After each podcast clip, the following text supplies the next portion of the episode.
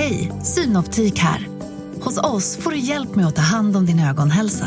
Med vår synundersökning kan vi upptäcka både synförändringar och tecken på vanliga ögonsjukdomar. Boka tid på synoptik.se.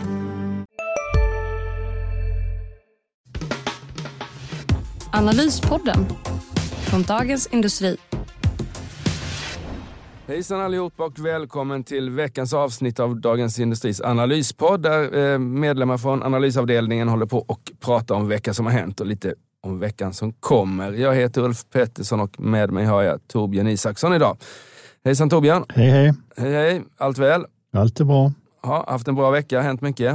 Ja, lite grann har det väl hänt tycker jag. Tycker jag också. Eh, ska vi se här, jag tycker det som har hänt och som vi bör prata om är väl eh, Cementa och beslutet där. Ericsson har varit i, i fokus. Fastighetssektorn är... Eh, det har ju pågått ett tag, men det liksom är bara nya händelser hela tiden. Det måste vi prata om. Eh, vi ska ha ett par aktiecase också och lite om veckan som kommer. Och på makrofronten har också varit väldigt, väldigt intensivt med räntebesked och eh, KPI-siffror från USA. Så, här. så vi har nog att fylla ut en 20-25 minuter skulle jag tro, eh, Torbjörn. Eh, vad ska vi börja med? Vad är du sugen på att börja prata om först? Cementa eller fastighetsgrejerna eller Ericsson? Alltså det har ju hänt ganska mycket med fastigheterna här, ja. tycker jag. Eh, det som hände här alldeles precis, i stort sett innan vi gick in, det var ju att eh, Balder gjorde en riktad nyemission till AMF. Och, så att, eh, men det, det, är ju uppenbart att de som har Alltså Erik Selin och Rutger Arnhult och alla de andra som har dominerat den här branschen, de har inte så mycket pengar kvar utan nu måste de få in från annat håll. Just det, och det är ju för annars, så är det ju. Alltså hade, inte, hade Erik eh, Selin och Balder haft kapital själva så hade de hellre använt sina egna pengar till att återköpa de här obligationerna som de då gör med AMFs pengar nu som teckna eh, aktier för 1,8 miljarder i en riktad emission. Så måste man väl se det. Det, är inte, det finns inget annat skäl för honom att få in AMF i, i, i ägandet, eller hur? Nej, för det, det, har ju talats länge på aktiemarknaden hur de ska lösa sina obligationsförfall. Mm. Bland annat Balder och många andra bolag. Och det är det de här pengarna ska användas till. Så det är klart, då stiger ju kursen också, för då är ju läget mer stabilt för Balder. Mm. Den är upp 5% ungefär på morgonen. Men eh, emissionskursen gör, den gjordes ju till gårdagens, alltså torsdagens börskurs ungefär, men det är fortfarande lägre än, än substansrabattet. Så, så att säga, AMF kommer ju in då, köper ju, köper ju liksom aktierna, ja, fastigheterna som, som ingår i aktierna så att säga, är ju, är ju, värderas idag lägre än, än fastigheternas substansvärde så att säga. Ja, det gör de ju. Det, det som händer nu är ju att de som köper fastigheter, de brukar ju, det brukar inte vara så populärt på aktiemarknaden. De som säljer brukar ju stiga mm. för att de får in pengar. Och även nu, nu, det talas ju hela tiden om att det är linje med bokfört värde och det är en väldigt böjlig, böjlig linje som vi pratar om här. Då, mm. För ofta är det ju en rabatt kanske på 5-10 procent, men det kan ändå leda till en stigande börskurs i och med att eh, aktiekurserna indikerar en mycket större rabatt än så. Så att säljer du med 5% rabatt och du har 25-30 i börskursen så kan du få en uppgång även då. Mm.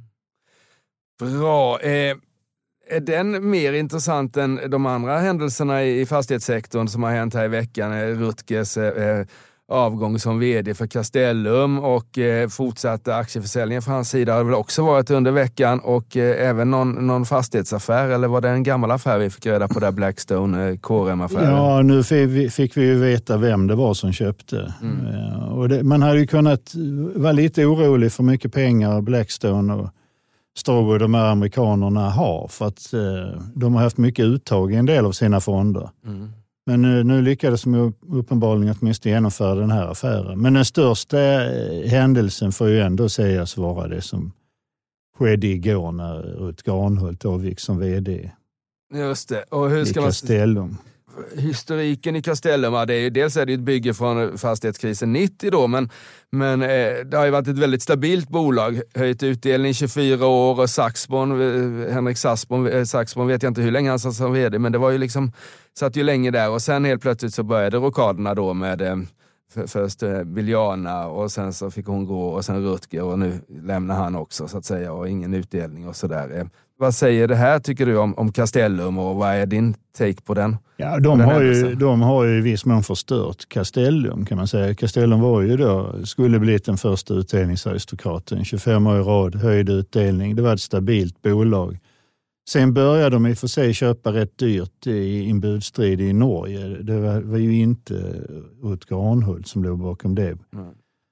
Men eh, alla de här turerna kring när Rutger först skulle bli ordförande och hamnade i bråk med andra storägare och sen så sparkade han vdn Biljana där efter en månad drygt och satte sig själv som vd. Och sen så har ju hans eh, belåning och privatekonomi gjort eh, situationen omöjlig. Och när, och när han väl släppte in Roger Akelius så gjorde han det ju helt omöjligt för sig själv. Så han hade ju inget alternativ. Han kan inte sitta kvar. Han äger ju så lite av Castellum nu också så att eh, det blir ju väldigt märkligt alltihopa. Ja, och det var ju märkligt redan från början att han gick in som vd egentligen samtidigt har han väldigt stora, stora intressen i andra fastighetsbolag och sådär. Och man kan fundera hur, för det har ju varit liksom, Erik Selin ägnade ju hela sin eh, Q3 vd-ordet där till att prata om att det inte alls var något ask i ask-ägande och sådär, men det är ändå liksom senaste åren har det ju ändå liksom smetats ihop. Ja, det, de det ansvaret det var inte var ett korsägande. korsägande och det, och det har han ju rätt i, för det är ett ask i ask-ägande. Men det, det, och det sa han ingenting om. Nej. Men, men det, det ask i ask-ägandet har ju blivit ett jätteproblem. I Arnolds fall också för att Corem, som är ett annat Arnhult-bolag, har ju förlorat jättemycket på nedgången i Castellum. Mm. Eftersom de äger aktier i Castellum? Ja. Mm. Ja, spännande. Vad, är, vad, vad, vad, kan vi förvänta oss här? Alltså det är ju det är väldigt intressanta tid. Alltså jag tycker just att vi nu sitter 17 december, tre veckor kvar, eller inte ens det, två veckor kvar till, till årsskiftet och då får vi Q4 sen och, och framförallt får vi så småningom en årsredovisning då revisorerna så att säga har någonting att säga till om. De andra rapporterna som kommer under året är ju så att säga, kan man ju göra lite som man vill med då, för det, är ju liksom, det blir ju liksom, ska vi säga, rätts eh, det är ett helt annat, en helt annan tyngd i en årsredovisning och ett bokslut. Om. Eh, kommer det ske fler affärer här? Handlar det om att rensa böckerna in, innan revisorerna ska titta på det här? Eller vad, hur, vad, är, vad är det som kommer hända kommande veckorna? Det, det, det, är den 16 december va? 16 december, ja just det. Jag är, jag är alltid lite för. Du ligger alltså, lite för. Ja. Nej, men en, en hel del av de här fastighetsbolagen har ju gjort väldigt ambitiösa värderingar, mer än vanligt. Mm. Eh, de har haft ett par, tre olika firmor som har gått igenom beståndet och, och vissa har värderat allting. Men det är klart att med den oro som finns så har, så har det varit rätt så mycket påtryckningar mm. för att det ska göras ordentliga värderingar. Men det, det är klart att kraven höjs ju ännu mer när vi går in i boksluten. Mm, bra, ska vi eh, gå vidare då? Eh, det är ju faktiskt inte det finns ju en viss koppling i alla fall även till Cementa då, som faktiskt får fortsätta. Produktionen då är säkrad i fyra år till nu när de fick fortsätta bryta kalk och sådär. Det, det var ett lättnadsbesked i, i sektorn förstås. Ja, det var det ju. Alltså, bygg och anläggningssektorn har det ju tufft nog som de, som de har det med att det kommer att byggas väldigt mycket mindre, framförallt bostäder. Mm. Och Det här har ju varit ett stort orosmål. Nu, är, nu förlängs det några år i alla fall så att de får en respit. Just det. Och kunna lösa detta. Och sen i, i och med att det byggs mindre så, så är det problemet ur världen nu på ett tag. Men um, ja, det ska ju in i tillstånd och, och, och, det ska ju gälla över många flera år. Mm. Så att eh, det är inte helt borta det här orosmolnet och då sedan kommer väl byggandet igång igen. Men för just nu så är det i vart fall oerhört skönt för både Cementa och, och, och många på Gotland och eh, bygg och anläggningsindustrin att det kommer lösning. Just det. Bra. Och sen har Ericsson haft kapitalmarknadsdag. Eh, och lite sådär. Eh, eh, och de sålde ju, men det var väl i förra veckan de sålde de här Eh, Eh, förlust, förlusthärdarna de har haft i, i Internet of Things och deras så att säga, sidoverksamheter bredvid nätverksaffären. Men vad är, har, du något har du några tankar där kring Ericsson och det som hände där nu?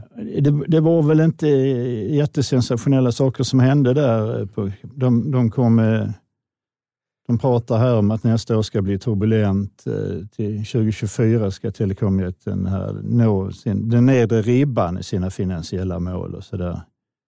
Men det, det, är ju mycket oklarheter fortfarande kring eh, de här stämningarna. Ja, och där fick vi ju ett besked i veckan att, att eh, den här eh, oberoende granskarna som Ericsson har inne hos sig, som då är avlönade av Ericsson men är ditsatt av eh, amerikanska myndigheter, han, han, eller hon eller hur många det är, det vet jag inte riktigt. Men de ska i alla fall sitta kvar ett, ett, ett år till här då. Och ja. det, det kan man inte tolka som något annat än att ett, som ett negativt besked att, att myndigheterna anser, att, anser sig behöva ha fortsatt koll på Ericsson. Ericsson vill försöka få det till att det är positivt, ja. att de har ytterligare något år på sig. Och, och fixa till. Ja. det var ett väldigt märkligt pressmeddelande det kan liksom vara en hur det kan vara eh, så att säga att, att vara under ja, nu ska vi inte använda fel ord här, men att liksom vara under tvångsförvaltning kan inte vara ett positivt, men det liksom var väldigt ljust pressmeddelande när det egentligen var ett, ett, som jag ser det, negativt besked. Ja, men man får ju hoppas att eh, när det året har gått, att de verkligen har fått bättre ordning på på hur organisationen fungerar så att det inte händer ytterligare saker framöver. För att eh, marginalerna för Ericsson är ju oerhört små för att komma med nya debacle på det här mm. området. Precis, så är det. Bra, som alltid nu för tiden när vi har gjort lite om, omgörningar i podden här så har vi aktiecase och eh, eh. Hej, Ulf Kristersson här. På många sätt är det en mörk tid vi lever i. Men nu tar vi ett stort steg för att göra Sverige till en tryggare och säkrare plats. Sverige är nu medlem i Nato. En för alla, alla för en. Vi är specialister på det vi gör, precis som du. Därför försäkrar vi på Swedea bara småföretag, som ditt. För oss är små företag alltid större än stora och vår företagsförsäkring anpassar sig helt efter firmans förutsättningar. Gå in på swedea.se företag och jämför själv. Två stycken har vi med oss idag. Ett från eh, Magnus Dagel, vår kollega på redaktionen som framförallt bevakar fastigheter, som skrev en Veckans aktier, vår måndagsanalys eh, om Fabg, Paulsson-sfärens bolag, eh, Fabg som han tycker är köpvärt bland de här fastighetsbolagen. Att eh, det är ändå centrala, centrala och fina fastigheter som värderas långt under bolagets egen värdering och sådär och en trygg, trygg ägare, ägare, ägare och eh, i, i, i lägre belånat än många andra också. Så det, det är liksom den som eh, tidningen då, Magnus Dagel, tycker att man ska plocka upp av de här havererade fastighetsaktierna. Har du något att tillägga kring Fabg? Nej, Fabg har ju inte de problemen eh, som vi ser här nu kring Balder och Castellum med, med, med en svag huvudägare, så att det är också en fördel. Det är, det är ett stabilt bestånd. Precis. Och de har inte gjort lika mycket affärer. De, de har gjort väldigt lite affärer ja. under senare år, medan de andra har gjort eh, enormt mycket affärer. Så den rekommenderar vi. Och sen så eh, vet jag inte om jag ska dra det hela vägen till en köprek också, men jag tycker man ska åtminstone titta på, om man får vara lite putslustig här på fredag förmiddagen, titta på Synsam, eh, optikerfirman som har rasat och är nere på eh, Eh, all time low egentligen, eh, i stort sett från, eh, från noteringen då efter en svag Q3.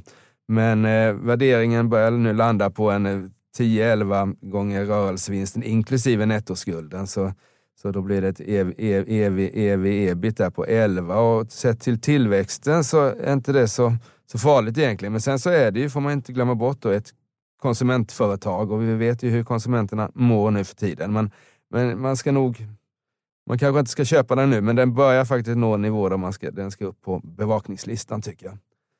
Du, är du kund hos Synsam?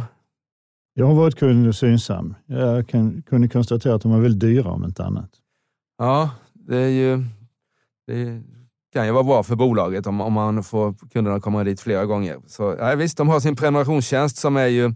Och den, den, och den kan man ju fundera kring här. Det är ju den som har drivit mycket av tillväxten eh, och den, den har ju varit den har gjort att de har tagit stora marknadsandelar. Man får se, antingen så är, gynnas den av det här att folk inte vill casha upp nya, nya eh, pengarna eh, på en gång till nya glasögon, utan man väljer en sån här prenumerationstjänst fortsatt då för att hålla i ungefär som man ser att de här nischbankerna faktiskt eh, ökar, ökar, ökar lånen här i början av lågkonjunkturen i alla fall. Eller så, så gör man som du säger, att man går till någon av de här lågprisaktörerna istället. Men jag tycker man ska bevaka den där och skulle det fortsätta ner mer så, så, så kanske man ska köpa den ändå. Det, det tycker jag. Ja, men det är just det där att eh, när, när inte folk har så mycket pengar så kan ju det vara en styrka att, att man kan skjuta på en del betalning. Det kommer säkert en del att uppskatta. Ja, precis. Det är ju, men eh, ja, vi får se. Så, som sagt var, den har kommit ner riktigt mycket faktiskt. Faktiskt här senaste tiden. Det är en, en av få, få aktier som är ner senaste tre månaderna exempelvis. Ja, vi måste ju förstås prata om det som har stökat till. Vi har ju nästan haft lite börsoro här också. Eh, vi hade liksom börsglädje i början av veckan eh, med de här KPI-siffrorna i USA som kom in på 7,1 procent. Och eh, sen så fick vi liksom fick vi tillbaks den uppgången och mycket mer i, i, i baken i, igår torsdag då börsen var ner 3 procent och även här på fredag förmiddagen är vi ner drygt 1 procent när jag gick in i, eller vi gick in i studion. Och det har ju att göra med eh, eh, Fed-beskedet, höjning 50 punkter, höjer, höjer, eh, höjer liksom nivån för när räntan toppar från 4,6-4,7 till 5,1 procent. Det var väl inte, jag skulle säga att jag blev inte chockad, utan man har ju liksom förstått att det skulle gå i den riktningen. Men marknaden tog det negativt, eh, kanske framförallt för att den hade gått så jäkla mycket, eller så fantastiskt mycket får man säga, som man eh, sköter liksom ordvalen här eh, eh, inför det där. Och sen så kom ju då ECB eh, eh med sitt eh, räntebesked igår och det var lite mer överraskande där. Att, eh, det är inte att de höjde 50 punkter, men att de, Lagarde, ECB-chefen, såg faktiskt ett antal räntehöjningar framför sig här. Så det, det har gjort att att eh, eh mm, marknaden är klart nervös och vi får väl se om, om den pignar till under jul. Som förra julen var ju ett fantastiskt eh, julrally, men eh, den här säsongen sen, eh, från Lucia i alla fall har inte börjat lika bra. Så det, jag tror det kommer vara lite, lite stökigt som det alltid är inför, inför, eh, inför, inför jul och nyår när handeln går ner lite grann. Eh, och, eh, ja, det kan vända upp, men det kan absolut vara en sån här trigger de här två dagarnas nedgång som gör att det fortsätter ner. Så jag tycker man ska fortsätta bevaka börsen. Men det var väl det om det som hände i veckan här. Nästa vecka så har vi Skistar på, på, på måndag. Eh, kommer med rapport. Ett litet kvartal. Det har inte åkt så mycket skidor under, under, eh, under de här eh, månaderna som de rapporterar nu, men eh, orderingången blir intressant och prisutvecklingen blir ju intressant också. De har ju, Skistar har ju haft en förmåga att verkligen höja priserna på sina livskort och boende och sånt där genom åren. Och det är inte något billigt, billigt nöje längre, så vi får väl se hur, man, hur folk, och folk tar sig upp till, till eh, skidorterna över julen. Här, ja, eller man... de, de, ja, de har väl levt på att folk har hållit sig kvar i Sverige under, under de här åren. Och de var ju ganska mycket blåsväder också under, under pandemin, att, eh, hur de höll med hur folk bodde i stugor och hur det såg ut i liftköer och så vidare. Så att, eh, ja, de är inte precis. helt eh, okontroversiella. Nej.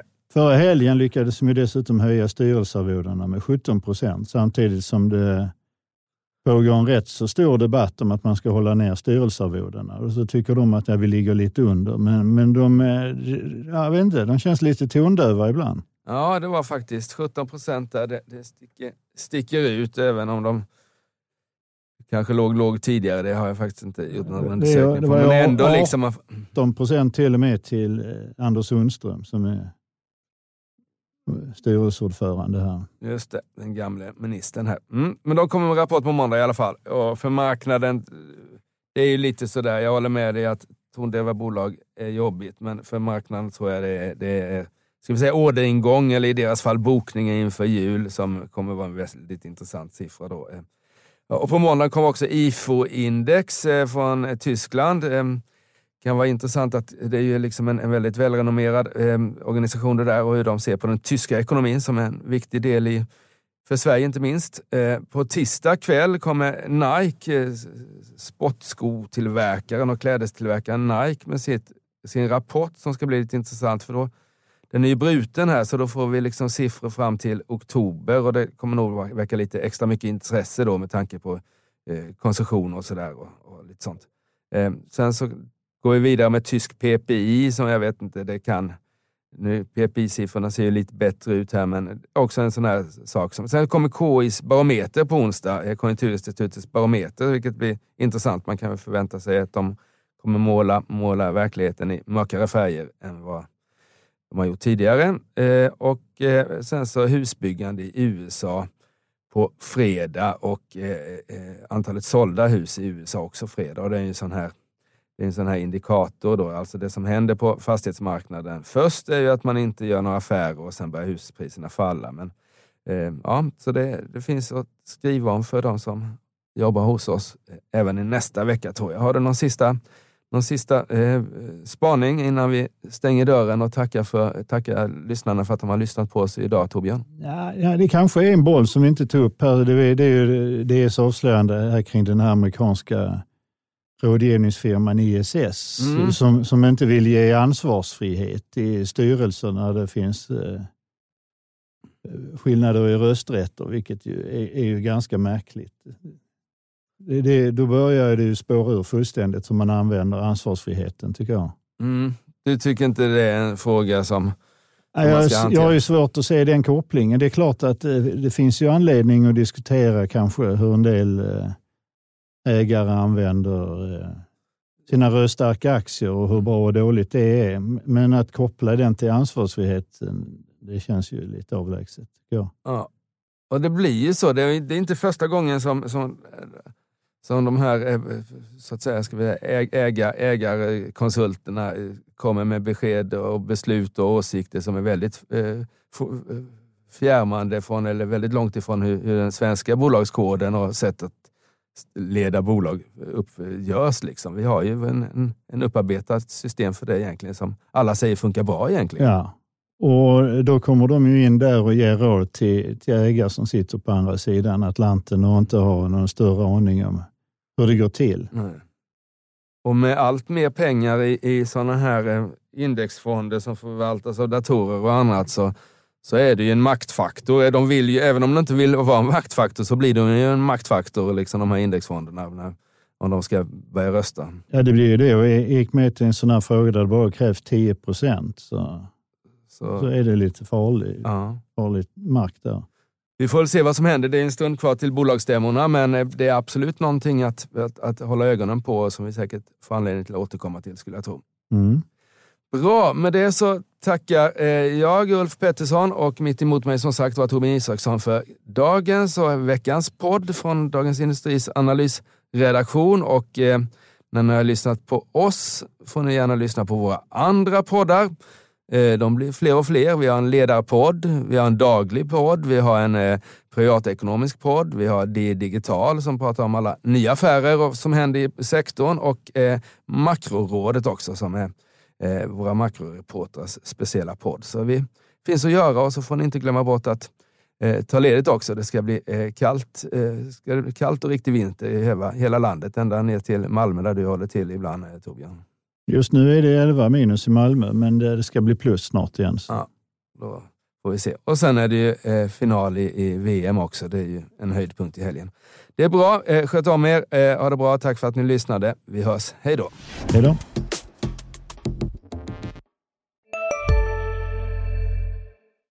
Ni är med om det största. Och det största är den minsta. Ni minns de första ögonblicken. Och den där blicken gör er starkare. Så starka att ni är ömtåliga. Men hittar trygghet i Sveriges populäraste barnförsäkring. Trygg Hansa. Trygghet för livet. Hej, Susanne Axel här. När du gör som jag och listar dig på en av Krys vårdcentraler får du en fast läkarkontakt som kan din sjukdomshistoria. Du får träffa erfarna specialister, tillgång till lättakuten och så kan du chatta med vårdpersonalen. Så gör ditt viktigaste val idag, lista dig hos Kry.